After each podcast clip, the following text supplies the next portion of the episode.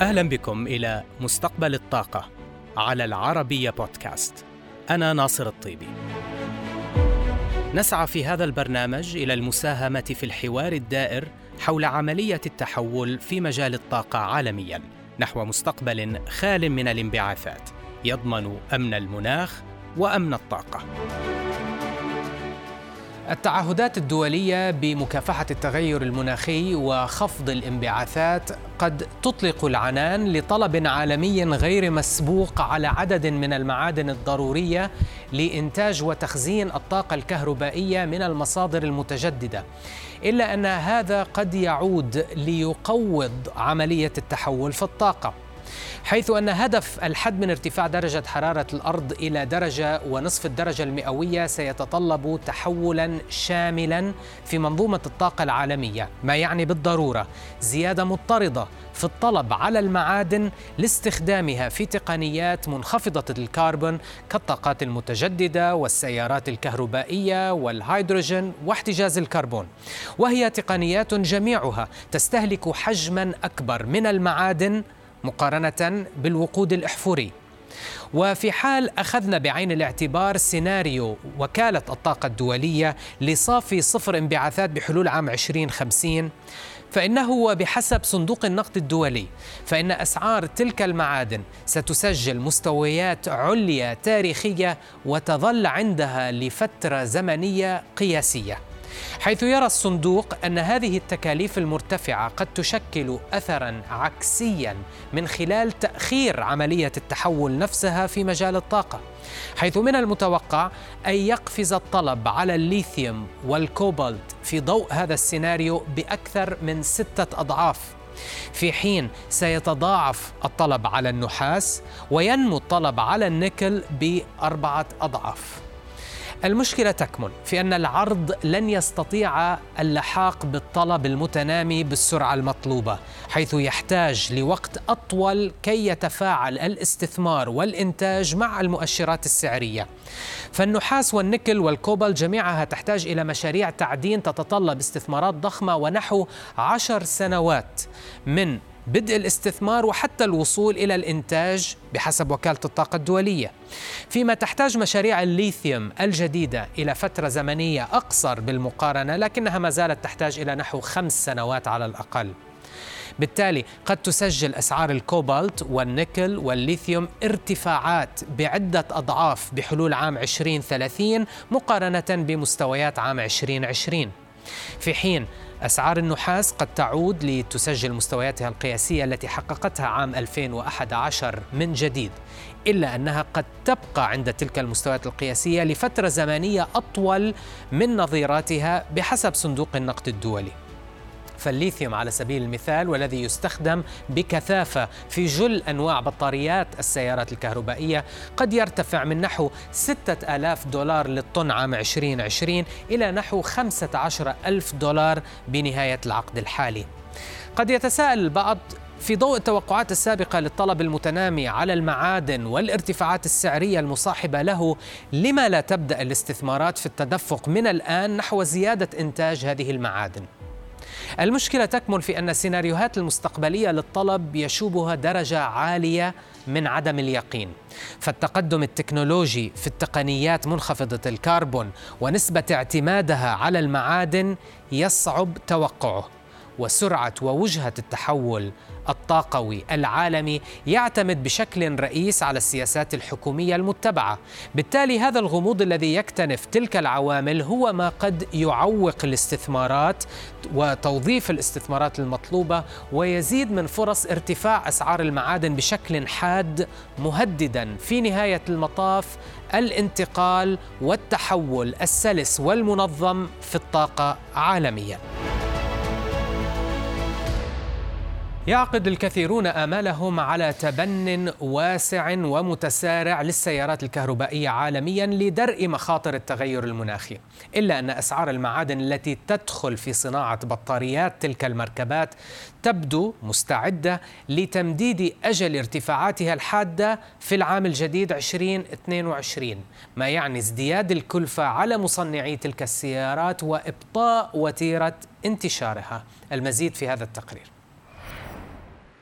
تشير التوقعات إلى تزايد مستقبلي سريع في عدد السيارات الكهربائية على طرقات المدن حول العالم.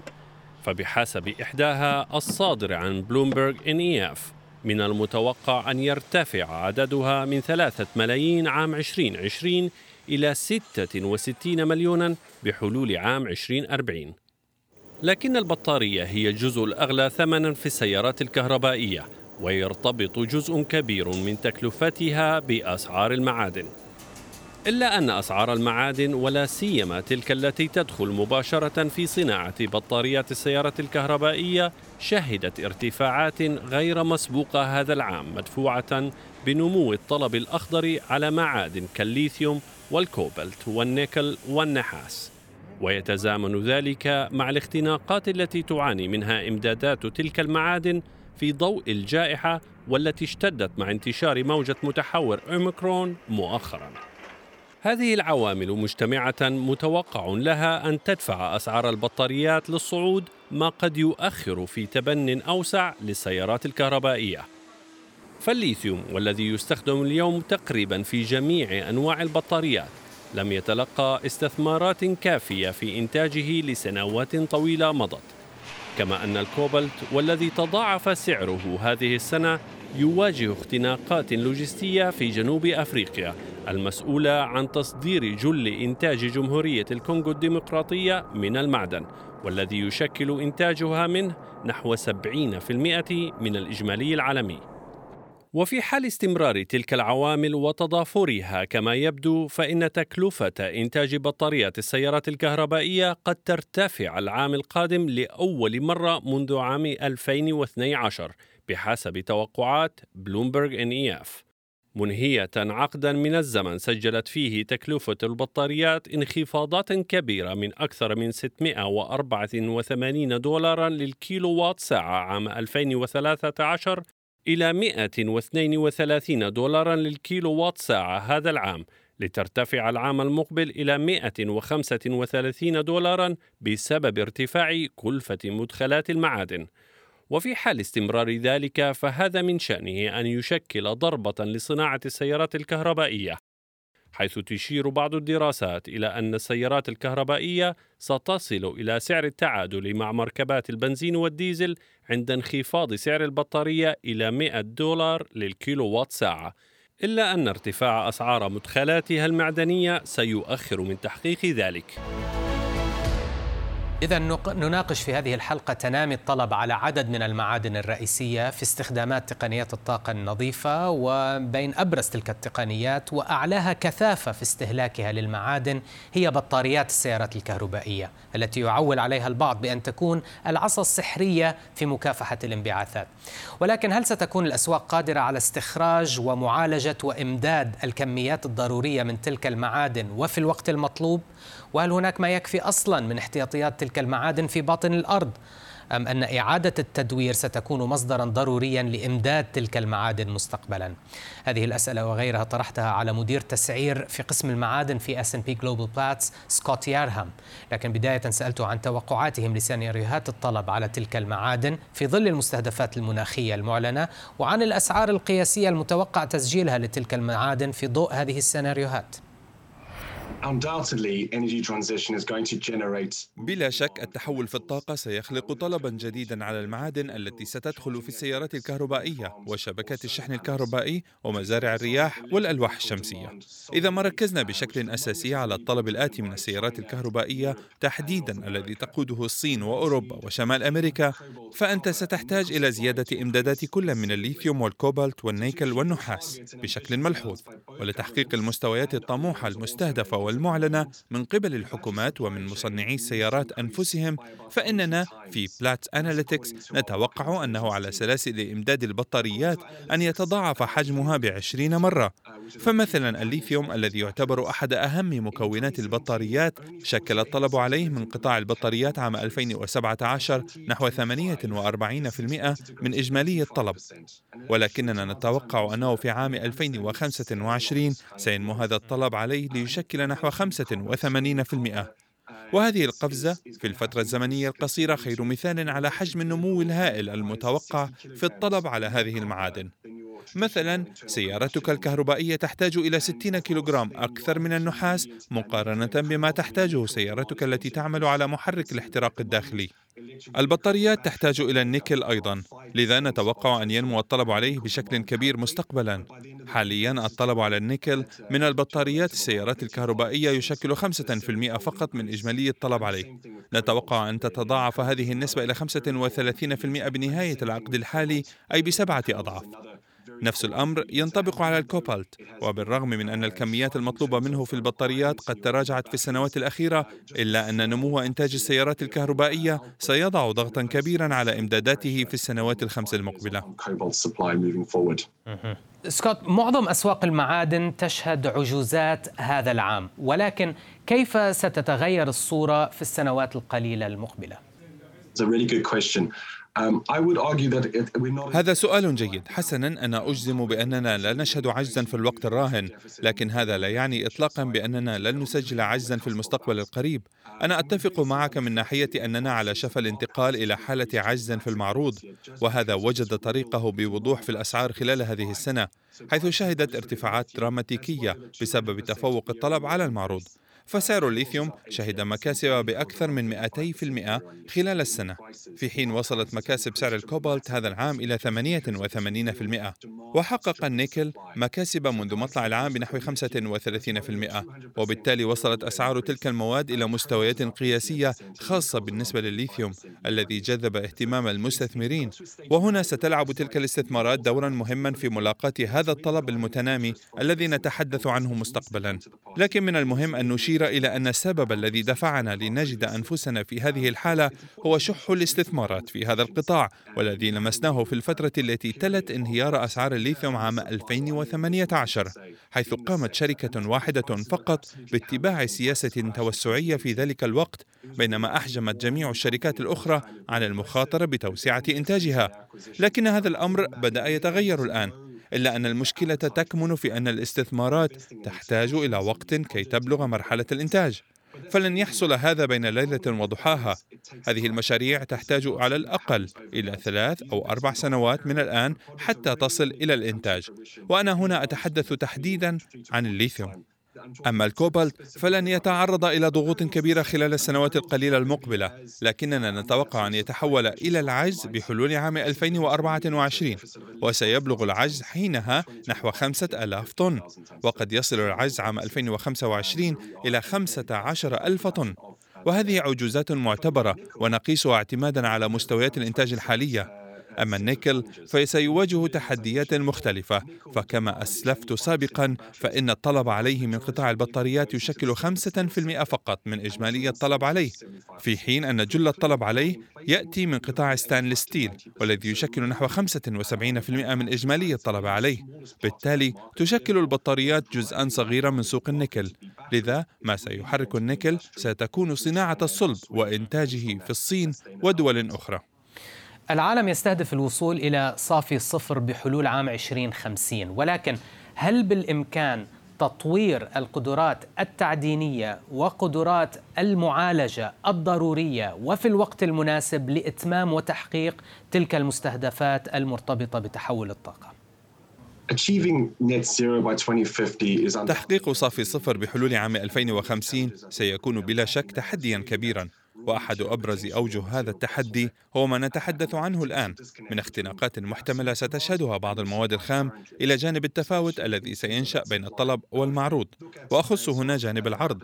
فقياسا بمستويات عام 2019 نرى بأنه لتحقيق تلك المستهدفات بحلول عام 2050 يجب أن ينمو إنتاج الليثيوم بنسبة 539% وأن ينمو الكوبالت ب 460% ونحتاج إلى زيادة في إنتاج النيكل بنحو 84% لذا فالسوق تتوقع اختناقات في الإمدادات وشحا في المعروض لفترة قد تمتد لخمس سنوات وقد تصل حتى إلى عشر سنوات.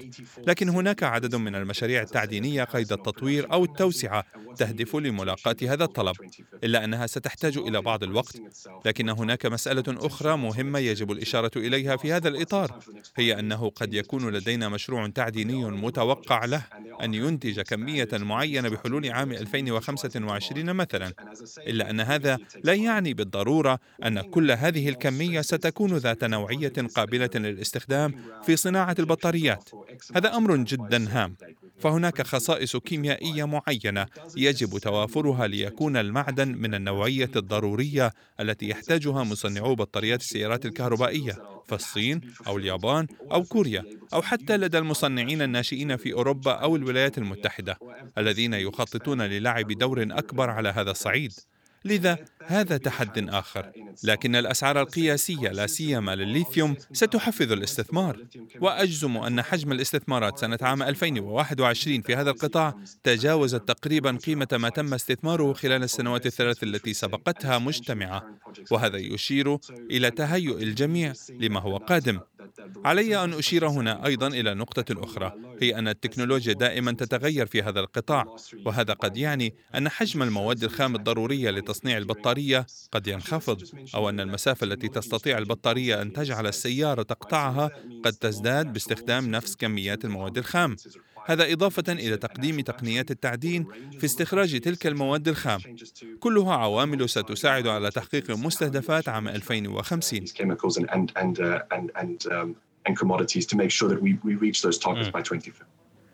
بالنظر إلى حجم الاحتياجات التعدينية المطلوبة لتحول الطاقة التي جئت على ذكرها هل فعلا من المستبعد أن لا يجد العالم ما يكفيه من تلك المعادن؟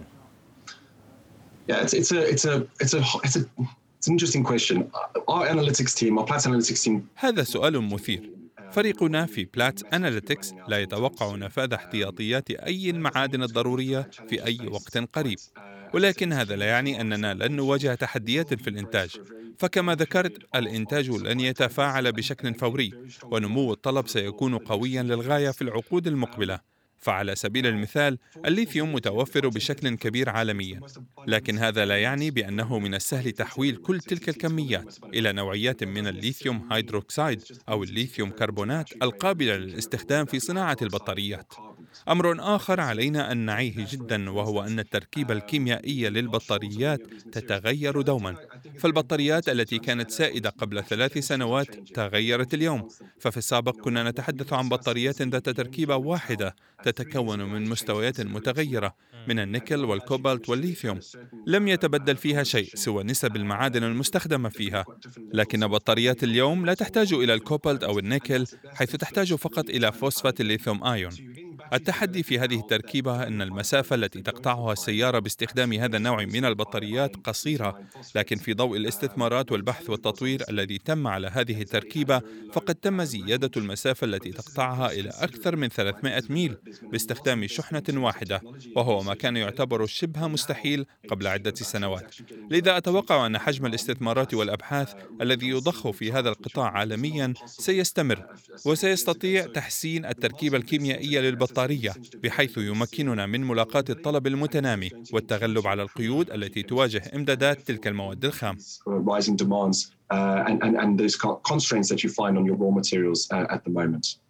إذا دور كبير للتقنيات هنا ولكن إلى أي درجة يمكن لزيادة عمليات التدوير المساعدة في تعزيز سلاسل الإمداد إضافة إلى الحد من الأضرار البيئية الناتجة عن التعدين هذا سؤال رائع وهو سؤال يتم مناقشته بشكل كثيف حاليا. المشكلة التي تواجهها إعادة التدوير هي أنها تحتاج إلى اقتصاد وفورات الحجم فهي تحتاج إلى عدد كبير من مبيعات السيارات الكهربائية والتي سينتهي عمرها الافتراضي بعد ثمان أو عشر سنوات مثلا. وبعدها تعود تلك السيارات إلى سلسلة الإمداد عبر إعادة التدوير. لكننا لم ندرك بعد هذه المرحلة فبالرغم من وجود بعض المشاريع القائمة لعمليات إعادة التدوير في أوروبا وآسيا وحتى في شمال أمريكا إلا أن مستوى إنتاجها ما زال ضئيلا نسبيا وأقل مما هو مطلوب حاليا. لذا ما تحتاجه أولا هو زيادة في عدد السيارات الكهربائية المباعة التي تدخل الخدمة. ثانيا تحتاج إلى أن نكون أكثر حرصا على البيئة في عملياتنا وبالتالي لا أتوقع أن تصبح إعادة التدوير أو ما يطلق عليه التعدين الحضري مصدرا اساسيا لإمدادات المواد الخام إلا بنهاية العقد الحالي حيث يتزامن هذا مع تزايد مبيعات السيارات الكهربائية التي يتم بيعها اليوم وانتهاء حياتها الافتراضية وهذا ما زال يحتاج إلى سنوات كما أنه ليس بالضرورة أن يتم إعادة تدوير كل البطاريات. فبعضها قد يتم إعادة تأهيله لأغراض أخرى كحلول ثابتة غير متحركة لتخزين الطاقة. بالتالي نعم إعادة التدوير أو التعدين الحضري سيلعب دورا مهما في إمدادات المعادن، لكنه لن يكون الحل الذي تبحث عنه السوق على الأقل حتى نهاية العقد الحالي. بهذا نصل إلى نهاية حلقتنا لهذا الأسبوع. نلقاكم الأسبوع المقبل في حلقة جديدة من مستقبل الطاقة. على العربية بودكاست.